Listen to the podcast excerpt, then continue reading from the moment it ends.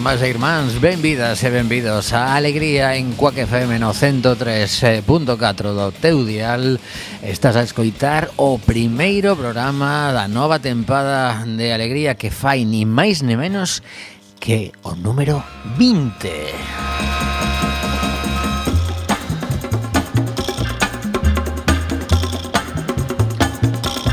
Alá polo 2003, en outubro, arrancaba esta aventura radiofónica. Polo daquela éramos catro persoas. Agora, pois, continuamos ao fronte do programa eh, casi sempre. Mr. Bugalú, Mariano Fernández Que agardemos que este a piques de chegar ao control do estudio. José Couso. Música Eh, e Tomi Desastre, o que che fala unha vez máis, encantado de compartir este tempo de radio contigo. Estamos a mércores, eh, día 2 de novembro, Digo para a xente que nos escoita en redifusión, Alegría emítese en directo os mércores de 7 a 8 da tarde.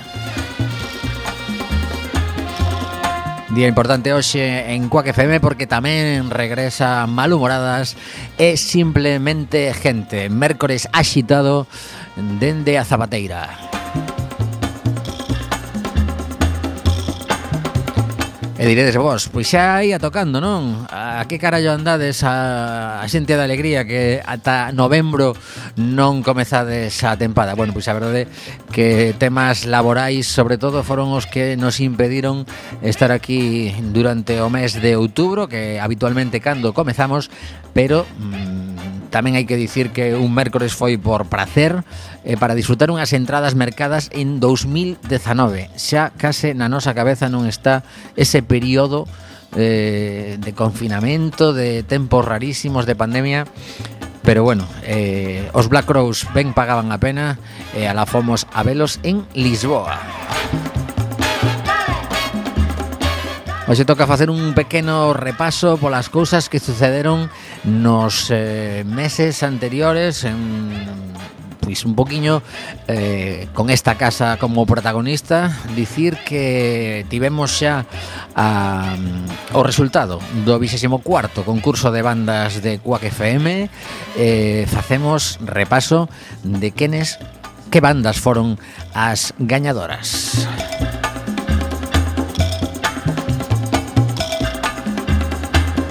En concreto, tivemos durante o mes de agosto as dúas bandas galegas que participaron no Festival Noroeste actuaron no escenario principal do, do Festival Noroeste eh, no escenario da Praia de Riazor. Ali foron todo mulleres de protagonistas. Brad Antifa, Brad Z Antifa dúas mozas eh, con gañas de contar as súas historias e Elena Egea ao día seguinte foron as protagonistas dese, eh, desa parte do concurso que está adicado a bandas galegas. E fai pouquiño vivimos a experiencia na sala Mardi Gras da batalla de bandas En este caso xa entraban todas as, eh, as bandas que participaron a nivel de toda España E ali puidemos disfrutar de eh, Alba La Merced e Norwen Ela dende Málaga E eles dende Logroño, aínda que están vivindo en Madrid tentando facerse un oco no panorama musical. E o triunfo foi para Málaga. Alba La Merced, coa que tentaremos falar nas vindeiras semanas en Alegría, levouse o primeiro premio, o segundo Norwen, como vos dicía, e aínda queda pendente a celebración do concerto no que a mellor banda local, neste caso Playa Desmayo, pois disfrutará do, do seu premio eh, acompañado da xente que queira achegarse a ese concerto que aínda non ten data porque estamos agardando algo especial que anunciar. Pero polo de agora non se pode nin dicir a data nin que é ese algo especial. Máis cousas que sucederon, pois sí, Resulta que o pasado sábado celebrábase en Argentina o Día dos Museos. E que sucedeu? Pois que aproveitamos a, a nosa embaixada en Bos Aires no, na que está José Lemur como embaixador, eh, compañeiro de, de Quack FM durante uns cantos anos facendo un programa ben chulo musical e el foi o encargado de ofrecer o documental Nada que ver de Quack FM a xente de Bos Aires, aos centros galegos de Bos Aires e a súa federación decidiu apostar pola proxección nesa noite dos museos de Nada que ver, así que quedou estreado no estranxeiro o noso documental en concreto en Bos Aires.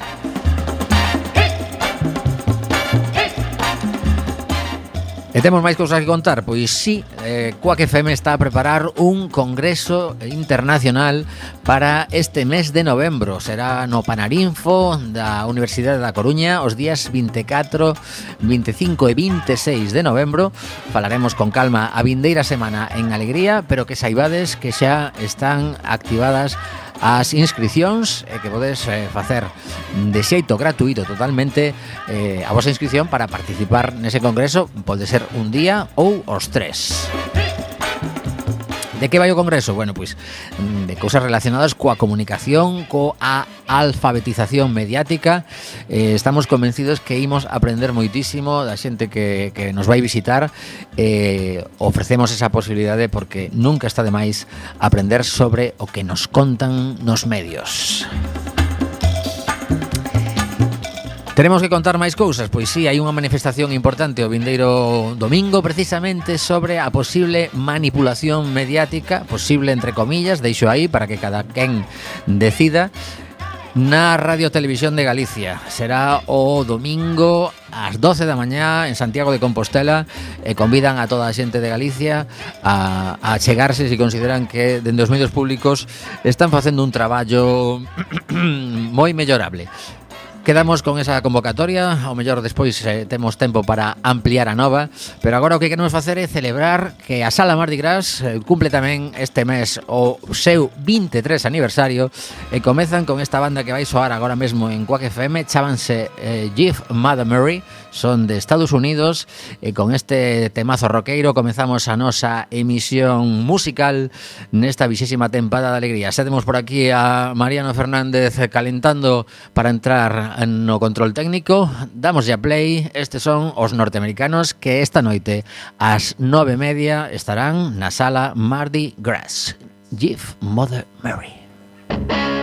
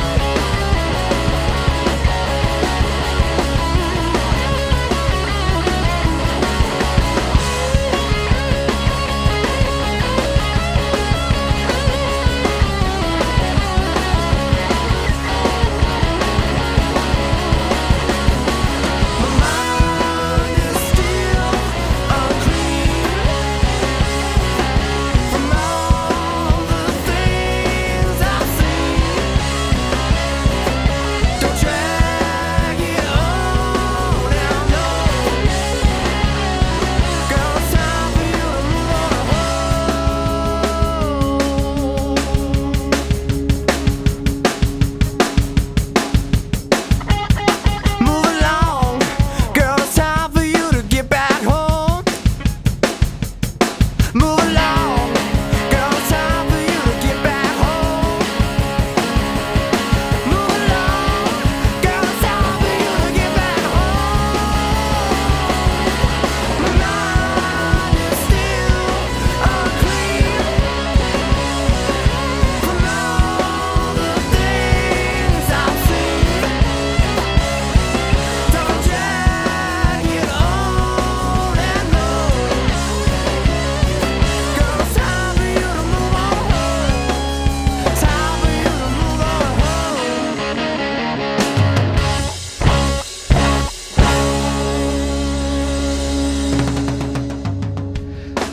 Continúas a escoitar Alegría en Cuac FM, estás no 103.4 do dial, estás tamén na Radio Comunitaria da Coruña a través da nosa app gratuita, Cuac FM, e tamén da páxina web.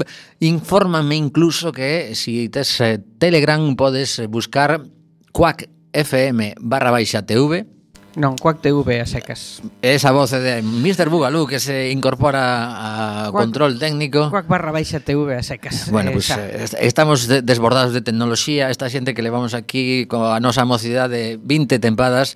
Eh, non sei se si, si Mariano é consciente do que supón... Está facer... en probas, eh? Está en probas. Vale, que se si non se nos ve ben, non pasa nada. Eh, claro, eh, ta, eh, tampouco temos moito interés en que nos vexas pola tele. Realmente é un tipo así falando aquí no micro. Así que mm, por nós podedes quedar na, na radio perfectamente que, que o que nos interesa é que escoitedes o que imos contar agora porque temos xa a primeira entrevista telefónica da tempada e vai ser inaugurada por Manuela Varela que eh, ten unha responsabilidade mm, normalmente mm, con unha mm, actividade cultural eh, relacionada coa Asociación Alexandre Bóveda, pero que mañá incluso ten máis. Hola Manuela, boa tarde. Ola, boa tarde. Pois eh, sí, queremos eh, polo menos eh, falar contigo para felicitarte polo, polo traballo de, de estar levando o teatro a, a unha das agrupacións culturais da cidade máis eh, lonxevas eh, e máis importantes e o segundo, pois, falar do, do acto de mañá. Pero imos empezar por cando, cando colliches as, as riendas de, da agrupación a nivel teatral. Pois, por unha banda, si é certo, é unha das máis lonxevas, de feito, agora fai 26 anos en activo o grupo de teatro amador da, da Asociación Cultural Alexandre Bóveda, así que son moitísimos anos con moitos directores, eh, moitos teles moi admirados por min, así que sí que foi unha grande responsabilidade asumir a, a dirección deste grupo. E asumín, por desgraza, eh, pois polo finamento de Lino Braxe, porque era el quen dirixía a, este grupo eu estaba dirixindo pois ata que finou o un 25 de decembro do, do 2000 mm, ou 19, 2020, perdón, hai dous anos. Uh -huh. Sí, eh, e nada, eh, eu traballaba moitísimo con, con Lino, facíalle moitas axudantías de dirección, eh, e parece ser que, que os membros do grupo consideraron que a mellor, o mellor xeito de, de continuar o traballo de Lino era pois que continuase eu con, con esa dirección, non? E como, como foi ese, ese relevo e con canta xente estás a traballar? Buf.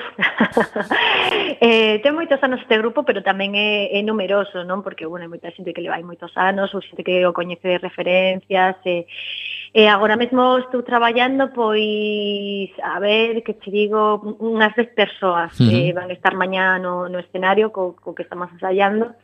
Eh, é numeroso, pero bueno, tamén é, é moi entregado, eso é o bo de traballar con este grupo, aínda que sexa afeccionado, acuden aos ensaios, asumen a responsabilidade de aprender o texto, a responsabilidade cos seus compañeiros.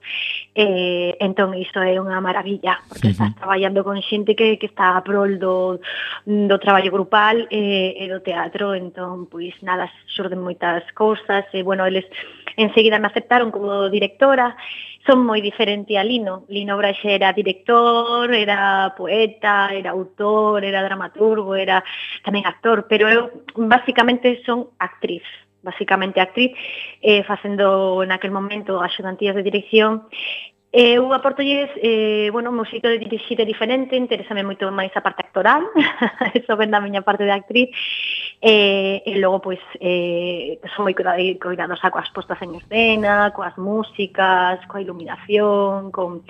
tamén lle dou importancia a detalles como o vestiario, as cores, non? Son nese sentido máis máis detallista, máis máis prolija, non? pero pero moi ben, porque todos enseguida me, me aceptaron e entenderon o meu xeito de traballar. Eu son moi vehemente, como podes ver, e moi apaixonada do que fago e que creo que iso o transmito e o transmito a eles eh, e remamos todos eh, a favor de obra sempre. A verdade é que o teatro é unha desas eh, cousas que, que cando te atrapan é moi difícil de, de deixar eh, e supoño que eh, unha vez que tes esa experiencia eh, sendo actriz pois eh, un, un paso natural entre comiñas porque non, nunca é natural eh, poñerse do outro lado pois eh, esa, esa dirección que estás asumindo e eh, ser consciente de polo menos como público creo que sí que é importante isto que acabas de comentar de, de cantas cousas hai detrás eh, dunha obra de teatro en canto a decisión. Que, que vestiario usamos que tramo, que bueno que, que escenografía, etcétera, etcétera. E todo iso son un montón de, de decisións que, que van a, a disfrutar as persoas que mañá decidan acudir a, a este acto que comentábamos que é un pouco a, a parte principal da, da nosa conversa, pero creo que, que esta, esta introdución era importante para, para chegar a falar pois eso, da representación que de algún xeito é o, o punto final, entre comiñas, porque realmente eh, o gallá haxa moitas moitas representacións, pero poñer xa en riba do escenario o, o traballo de moito, moito tempo, non? Sí, así é, este é un traballo xa xa mm, cando me enterei do, bueno, eh, eu era amiga persoal, eh, compañeira en, en moitas eh, moitos espectáculos de Pedro Brandariz eh, e xa cando finou eh, falei coa agrupación Alexandre Bóveda de que pensaba que que tiñamos que darlle o premio de honra de, deste memorial Iván Toxeiro pois dende logo dixeronme que sí, que tiña que ser así. Entón xa dende aquela, polo menos unha parte que é moi importante decidir que obra vai que obra imos poñer en escena, que obra vamos ensayar aí xa enseguida tiven o, mm, a idea de que tiña que ser eu quería me casar de mm, de Xosé Prieto, non? É unha obra escrita por Xosé Prieto para dous actores. Neste caso el escribiu unas para Pedro Brandariz, eh, Lidia e Lucía Veiga. Mm, é eh, unha obra bastante coñecida porque xirou moito por Galicia e logo facían escenas telas no, no luar. Entón eu esa decisión xa foi moi doada de tomar É eh, eh, unha obra de comedia moi divertida por parellas. Eh, cando ya plantexei o grupo, a, a limos, divertímonos moito coa lectura e tamén pensamos en facela, pois como facían Pedro e Lucía, que por escenas separadas, non? Entón, pois, bueno, tamén me permitía abordar o traballo, pois, eh, con distintas convocatorias, poder convocar eh, dous, de, de dous en dous, e non ter aos dez actores eh, vindo todos os martes castigados os ensaios, non? Ainda que a verdade é que logo veñen bastante porque lles gusta ver o traballo dos compañeiros e tamén é un xeito de aprender.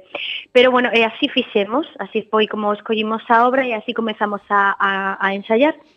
E, eh, e nada, um, eu penso que nos ensaios a obra é moi divertida e enfocamos dende aí e, e o pasamos moi ben, moi ben. Aí a primeira fase de, de, de posta en escena, movimentos, intencións, que quero dicir con esta frase, con esta outra, que sentido lle queremos dar, como... Bueno, eso é todo todo un traballo, e logo, pois, nada, xa pasando os meses somos ultimando que vestuario é o que máis se que acae, eh, que escenografía. Neste caso tamén a escenografía eh, pois mm, non la prestou Dinamo Produccións, que, que era a productora de, teatral de Pedro Brandariz, entón usaremos as súas mesmas cadeiras e a súa mesma mesa que usaba neste mesmo, eh, nesta mesma obra de teatro, eh, que tamén ten eso de, de simbólico, non? Uh -huh. eh, e bueno, Eh, creo que o estamos pasando moi ben, agora xa estábamos con pouco cos nervios, onte ainda que fose festivo, estivemos ensaiando todos, eh, e eh, eh, bueno, eh, creo que, que vai quedar moi bonito. Dende logo, eh, mm, é un grupo de teatro afeccionado, e eh, todo o que facemos o facemos con moitísimo agarimo e, eh, e amor, e con, neste caso, pois, pretendendo facerlle un, unha grande homenaxe a Pedro, ademais de pásalo ben. Uh -huh.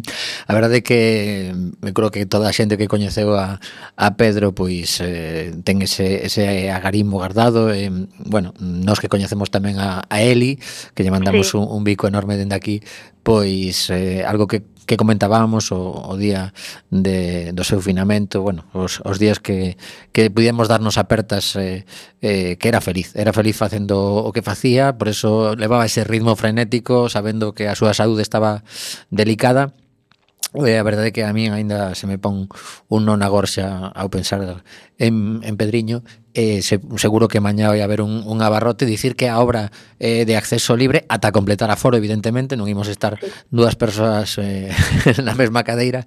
Así que eh, se si non me lembro mal 20.30 é a convocatoria. Sí, ás oito e media da tarde. E a convocatoria abrimos portas ás oito haberá un pequeno fotocall con que sacará as fotos Crisandina, unha grande fotógrafa, sí, sí. así que se entra de se xa vides cedo, unha para coller bo asento e outra pois para pasar polo noso fotocall e despois podes levarte pois ese, ese recordo, non? Porque despois as colgaremos. Bueno, a verdade é que a convocatoria ben paga a pena, a xente que, que nos escoite, pois eso, que sexa un poquinho pilla e, e vaya se ten a posibilidade de, pois cara, cara xoito e pouco, eh, Manuela, moitísimas grazas por, por estes minutos, por, por esa paixón que, que nos amosaches durante esta conversa e, por suposto, a que viven cada, cada martes e a que vas vivir mañá. Eh, os, os nervos están... Eh, permite? Dime, sí, sí, claro, por suposto. Eh, nada, comentarche que, bueno, que na gala van ver o, o traballo feito polo grupo de, de ACAP, pero a gala, neste caso, que, que se lle entrega o premio de honra a, a Pedro Brandariz, vai haber moitísimos máis participantes, moitos compañeiros e compañeiras de Pedro de, de queren estar ali, pois eh, imos ver ademais tamén as actuacións de, por exemplo, Touriñán, Perdomo, así que sisters que están formadas por Lucía Veiga, Marita Martínez, tamén estará Fran Rey, Isa Risco, Víctor Grande, vamos, un montón de cómicos que van tamén subir a, ao escenario, entón poderemos disfrutar, bueno, eu o que pretendo que sexa unha gala divertida, con, con humor, non? Que era o que a Pedro máis lle gustaba e obviamente pois terá a súa parte emotiva porque iso é inevitable, porque todos o votamos de menos. Hai, hai que ir un pouco alimentado, polo que vexo non vai ser curta, non? Bueno, eh, a miña intención é que dure unha hora 45 como moito, uh -huh. quero dicir, tampouco quero que sexa moi moi longa. Eh, son gags es, es que es, ah, mm, vai ser moi dinámica, a idea é que entre e saia no escenario eh, eh, os artistas, eh, bueno, que a súa intervención sexa de, entre 5 e eh, 10 minutos vai ser algo bastante dinámico. Uh -huh. Bueno, pois entón sí que, bueno, ademais te, temos a sorte de que unhas das, unhas cantas das persoas que, que nomeaches foron compañeiras e compañeiros desta, desta emisora, eu creo que de algún xeito os, os micrófonos da, da radio comunitaria acabaron tamén en moitos escenarios da cidade e, e, o, e o gallá siga sucedendo que isto sexa, pois, eh, o mellor un, un pequeno trampolín para soltarse eh, digamos, agochados das cámaras, aínda que agora no, os compañeros de tecnoloxía acaban de instalar instalar unha cámara aquí que se nos pode ver, pero non era esa idea eh, cando comezamos co, co proxecto, pero, pero bueno, hai que adaptarse e a xente que teña curiosidade por, por vernos agora mesmo estou saudando a, a afección. Eh, nada, Manuela, non che lío máis, moitísimas grazas, mañá pasarémolo ben no Teatro Rosalía e por suposto que eso, que o que dicía antes, que haxe oportunidades de levar este traballo que, que levades facendo uns cantos meses a outros estearios. Claro que sí, moitísimas grazas. Unha aperta. Vémonos mañá. Moi ben. Chao. Bueno, pois xa vedes que a convocatoria é super atractiva, ni máis ni menos que un montón de eh, persoas co humor como, como bandeira, para achegarnos a ese teatro Rosalía de Castro. Oito en punto abren as portas, oito e media comezo da gala, seguro que hai abarrote, eh, como vos despistedes, quedades fora do teatro. Agora continuamos co noso alegría, dicir que... Eh, o programa eh, hai un pequeno detalle que, que quero comentar para a xente que nos está a escuitar este aparece no, no podcast de Alegría como tempada no número 2 porque houbo un que pola nosa culpa non se avisou a tempo a, a contidos. Entón aparece hai un fake eh, como ah, igual se pode facer un amaño bueno, aí, bueno por, por agora eh, buscade igual de momento non pero... pero bueno próximamente. Ben, pois agora imos escoitar a segunda canción do programa que trae traemos a un clásico no noso alegría, non podía faltar o Canca cando saca canción nova, un temazo, non sei se Mariano escoitou o autorretrato. Eh, a min pareceme que unha vez máis este este Canquiña o que fai é eh, desnudarse de algún xeito, pero pero con, con ese talento que ten, con esa voz inconfundible, sabedes que anunciou que regresa aos escenarios despois de descansar neste 2022, entre comiñas, porque estiveron grabando un novo disco que, que se vai lanzar próximamente, xa fixo o, o show de regresar, ni máis ni menos que nos cines de Callao, no, na Gran Vía madrileña, con un teatro abarrotado de xente eh, recibindo tres discos de ouro por varias das cancións que estaban nos seus primeiros traballos eh, este autorretrato é o avance do novo disco que escoitaremos próximamente. Escoitade a este malagueño, tentaremos facer unha entrevista tamén, así antes de que entre en voráxine, eh, en alegrías e turbulencias non decide facer o mesmo que lle cedemos a opción de, de falar con el canca, eh, senón, pois nos facemos un, un, que se chamaría un semblante máis persoal do noso canquiña. Escoitade autorretrato e a volta a segunda conversa que vai ser tamén interesantísima. Alegría.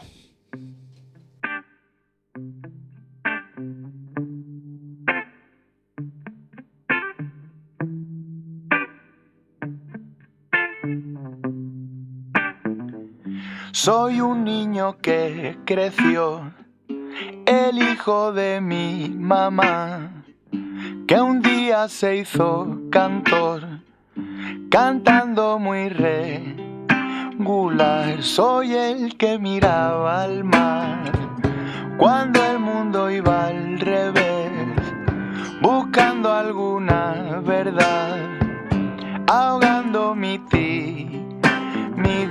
Soy un malagueño que se fue de su planeta, dejando personas, barrio, infancia y demás. Soy medio sincero, no te quiero engañar. Soy lo mejor que puedo.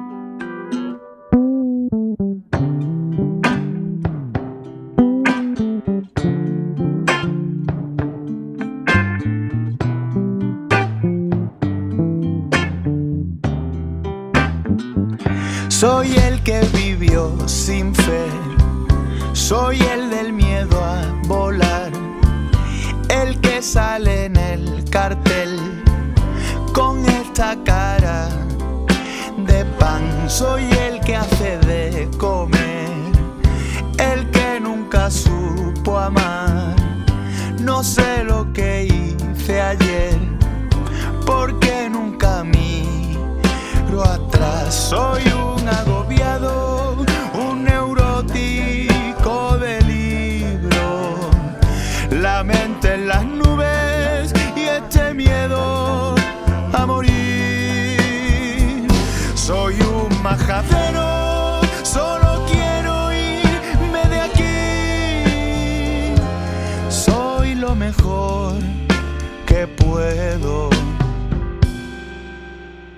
Soy el que me quita la mirada en el espejo, un pendejo que se esconde en la guitarra pa que no le vean. Soy de los que dejan lo más rico para luego un borrego escapando del rebaño, sea como sea. Y cuando de vosotros, decid que era raro y que siempre caía de pie.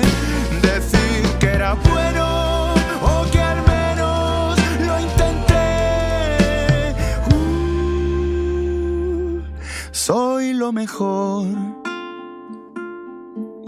que puedo.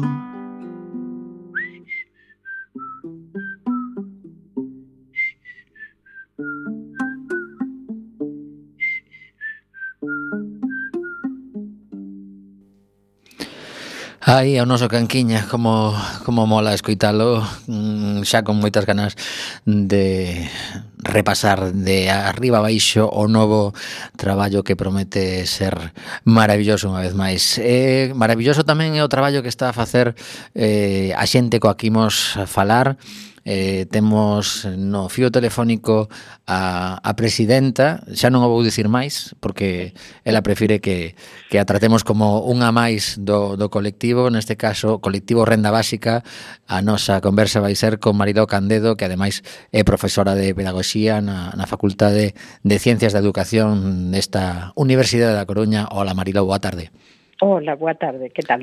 Pois nós aquí con gañas de comezar a tempada que ata hoxe non o fixemos, así que estamos celebrando o vixésimo a vixésima tempada de, deste programiña humilde de Quack FM e queríamos eh, pois comezar falando dun tema tan tan importante para a vida das moitas perso de moitas persoas si se lograse como é a renda, a renda básica universal. Uh -huh. Entón, eh, como sabemos que estivechedes moi entretidas, entretidos os pasados eh, venres e sábado no Paraninfo da Universidade falando deste desta utopía realista, Pois sí. contanos un pouquiño, eh, primeiro, vamos a situar a xente que, que o mellor aínda non escoutou o, o suficiente falar deste termo, céntranos eh, en que consiste esa, esa reivindicación que, que levades no voso propio nome, a renda básica. Pois, bueno, pois, primeiro moitas grazas por, por dedicarnos este, este espazo, este tempo. E Eh, bueno, efectivamente, as utopías mm, todas parten de, de alguna realidade, non? E sobre todo parten da idea de mellorar esa realidade, non? E a renda básica, que tivo moi distintos nomes, tampouco é unha unha idea novidosa de agora mesmo, eh, hai, hai tempo que se falaba dos, dun salario cidadán. En definitiva, é, digamos, unha asignación un ingreso pagado polo Estado como un dereito de do conxunto da ciudadanía a cada membro de membro de pleno dereito ou residente e eh, sin ninguna condición previa, non? E, o sea, independentemente das súas circunstancias, non?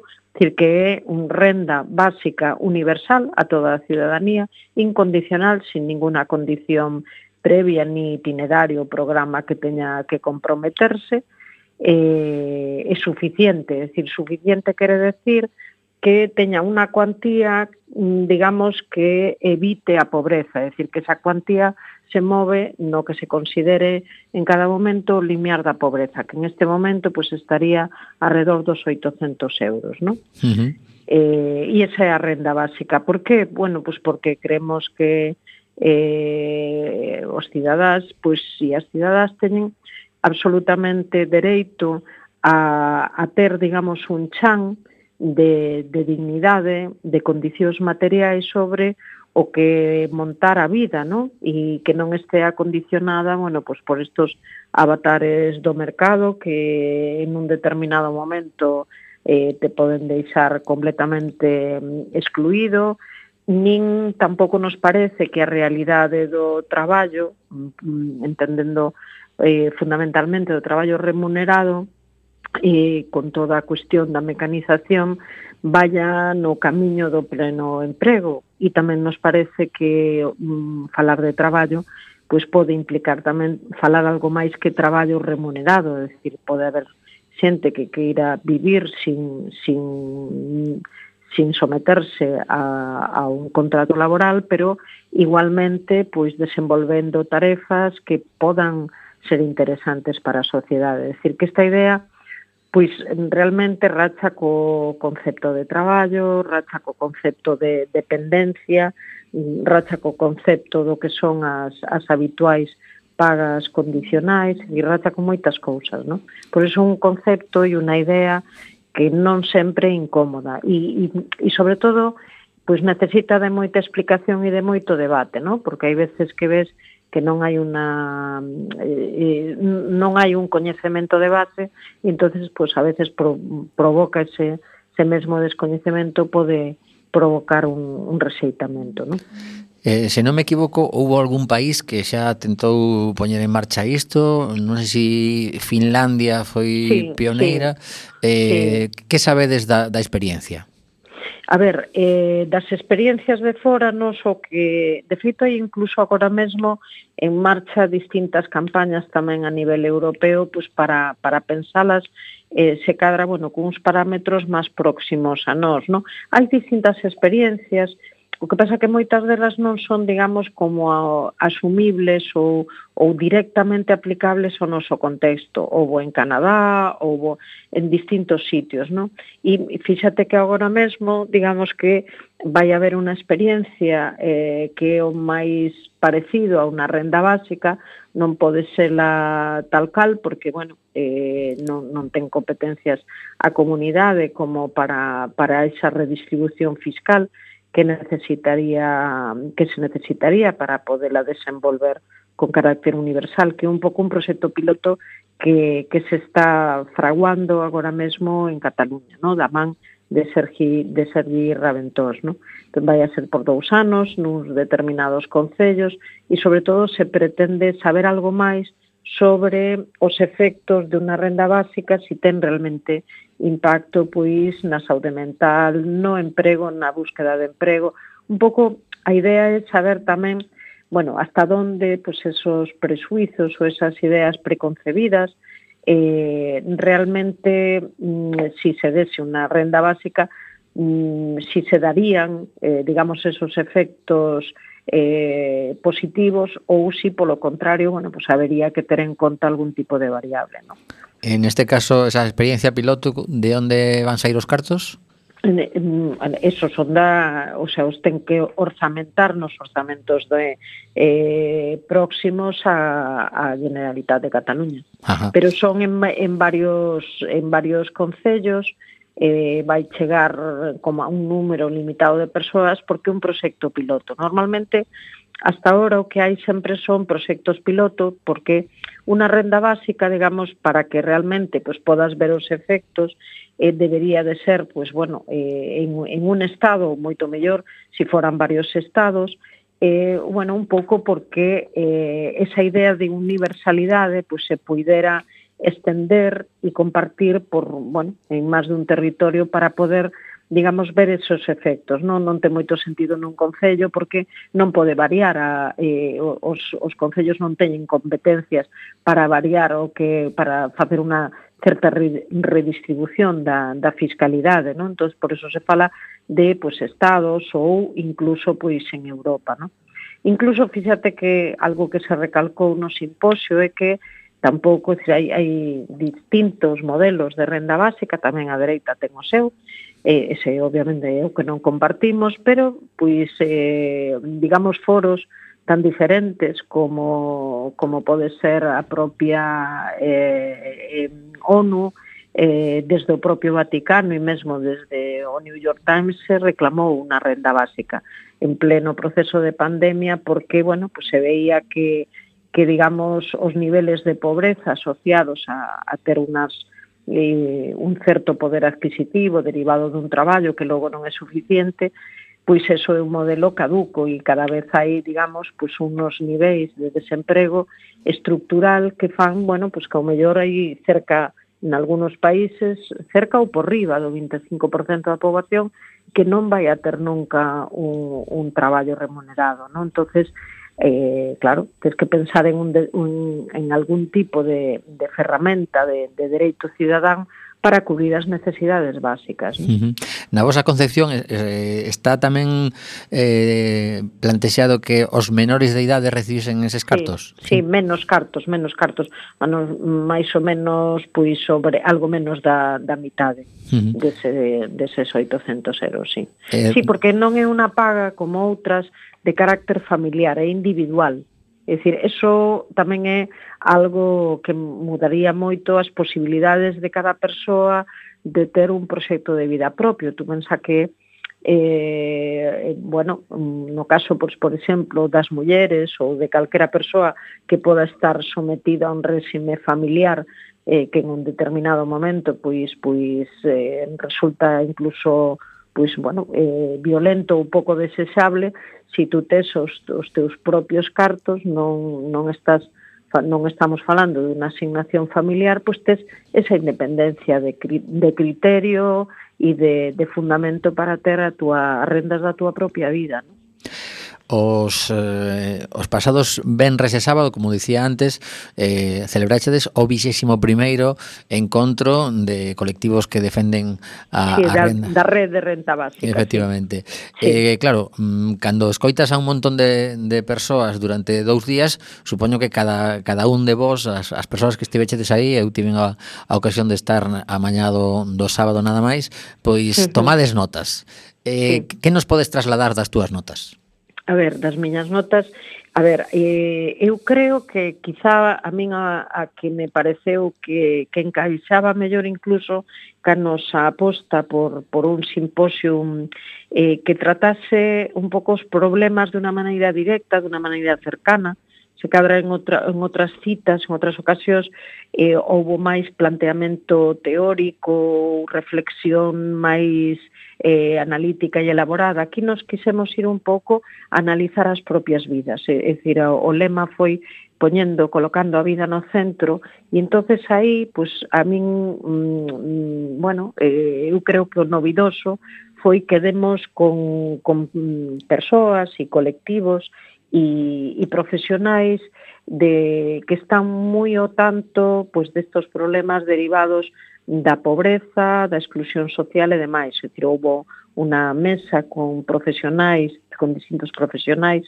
eh, do social eh, en, as, en outras convocatorias que o colectivo de Coruña tiña feito sempre contábamos co apoio do colexo de educadoras e educadores sociais, pero neste caso se sumaron con moita sensibilidade e unhas achegas moi interesantes desde o Colexo de Psicología de Galicia, desde o Colexo de Traballadores e Traballadoras Sociais, en fin, que houve aí, é dicir, desde o punto de vista da xente que traballa no ámbito social, pois hai unha crítica moi importante o que son as rentas condicionadas, non?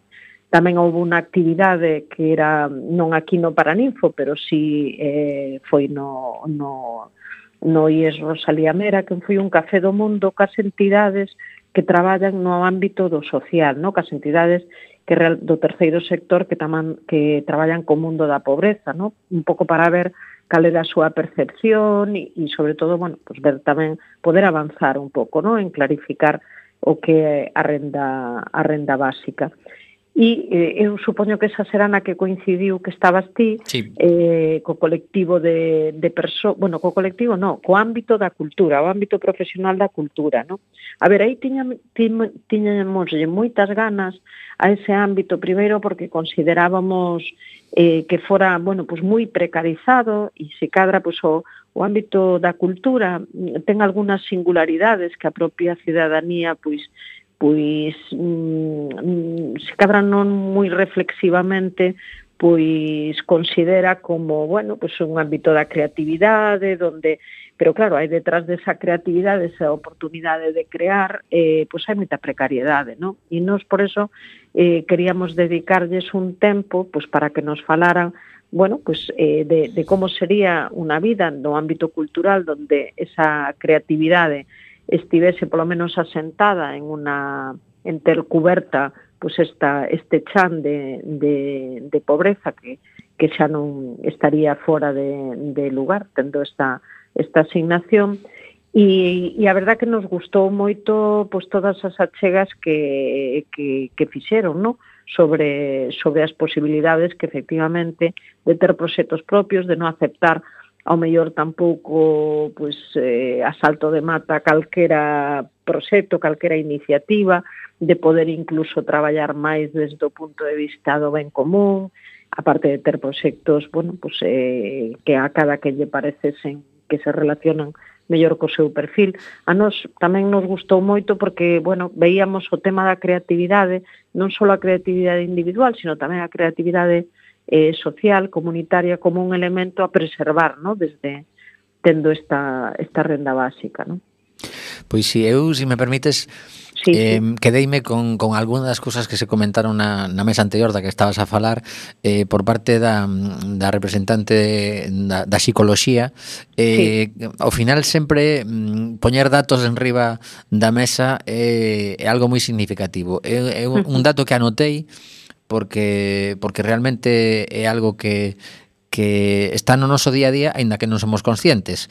Eh, o número de persoal psicolóxico que atende dende a sanidade pública en tres territorios. O primeiro, Galicia, o segundo, o resto de España, ou incluindo a Galicia, e o terceiro, eh, Europa. Eran os ratios de cantos eh, persoal, profesionais da psicoloxía eh, temos mm. aquí que é 3,6 sí. por cada 100.000 habitantes Eh, sí. no resto de España, digamos, a, a cifra é de 6 profesionais por cada 100.000 habitantes, en Europa é de 18 profesionais por cada 100.000 habitantes. Sí, efectivamente. Ese dato quedoume na cabeza, mira que eu teño sí. mala memoria, pero non o teño aquí apuntado. Pero ni moi, é moi chamativo. Efectivamente. efectivamente. Entón, claro, uh -huh. eh, mm, decataste de por que o mellor despois hai un, un índice de suicidios ou hai un índice sí. de persoas con problemas de saúde mental que non están eh, correctamente atendidas. Bueno, un montón mm. de, de derivadas desas cifras sí, sí. De feito, uno dos, eh, esta vez, bueno, porque xa viñera na ocasión anterior e,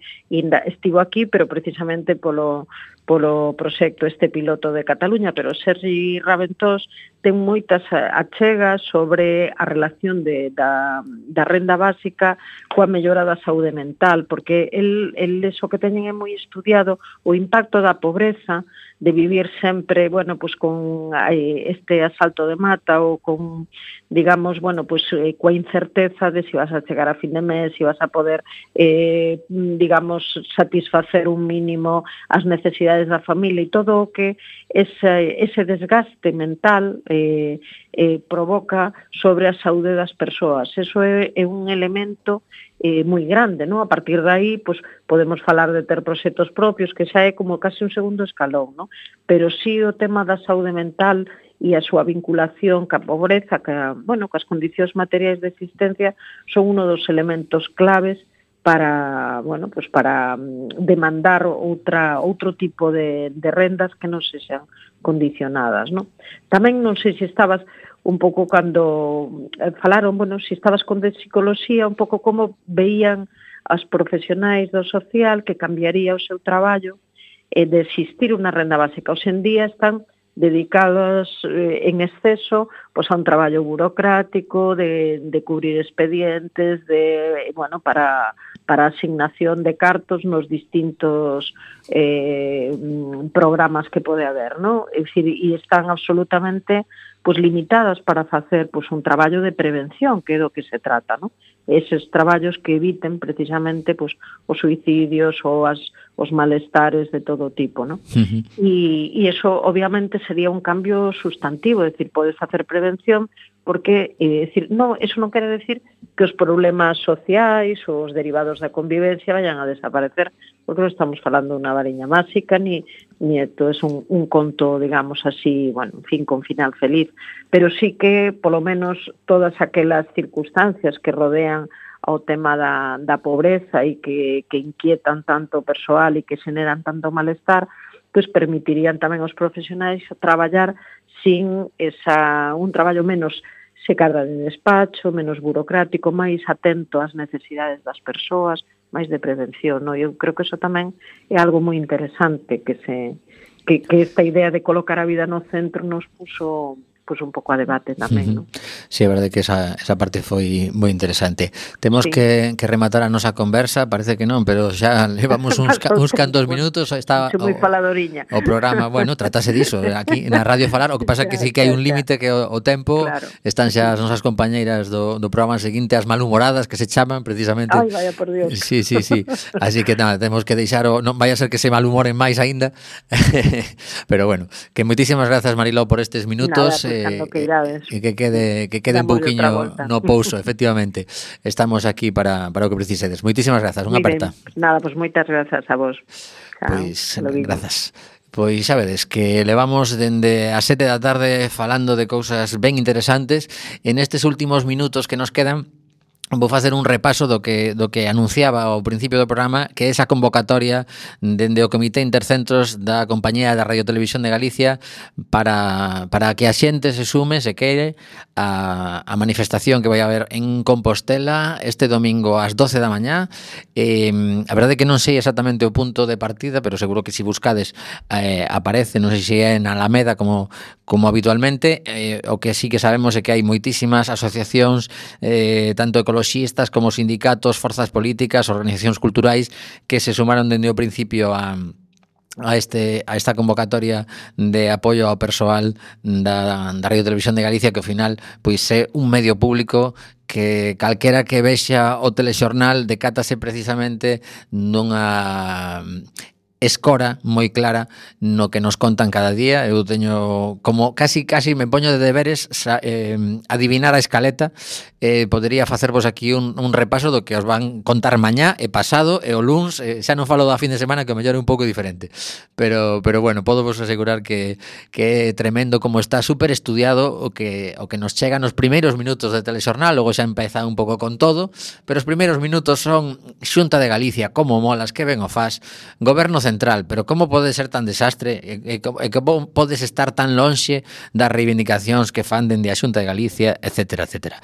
Así que nada, queda esa convocatoria e mm, publica precisamente ao Diario Público eh, os traballadores da televisión pública galega denuncian represalias por apoiar unha manifestación contra a manipulación. O comité de presa alerta de que a dirección xa ten sinalados a varios deles acusándoos de vulnerar a liberdade sindical por pegar cartaces anunciando a protesta do vindeiro domingo en Santiago de Compostela. Seguro que sabemos un pouquiño máis mmm, durante a propia eh, manifestación e ao final que haberá pois a posibilidade de, de explicar por que estamos ali, eh, o que está a suceder den, visto dende dentro eh, eh, bueno, pois pues nada, queda, queda feita esa convocatoria. A, eh, aparece por aquí unha, unha voz así dunha unha moza que decide gravar causas como esta que estabes a escoitar de fondo na súa cociña e que a min mm, pois eh, non, non podo dicir moito dela porque hai un vínculo persoal xa, ademais de profesional, hai un vínculo persoal con Leticia Rey. Eh, vou deixar que, que cante ela unha canción inédita que non está aínda gravada oficialmente, pero que decidiu lanzar no que chama Kitchen Sessions, eh, iso, unha acústica, unha voz e a súa cociña como espazo de grabación. Voltamos o vindeiro martes, isto foi Alegría en Coac FM, non marchedes, porque, como dicía, están xa por aquí, malhumoradas e despois simplemente gente e posiblemente máis, porque os de Enboxes tamén emiten. between us will be a curtain. Cause through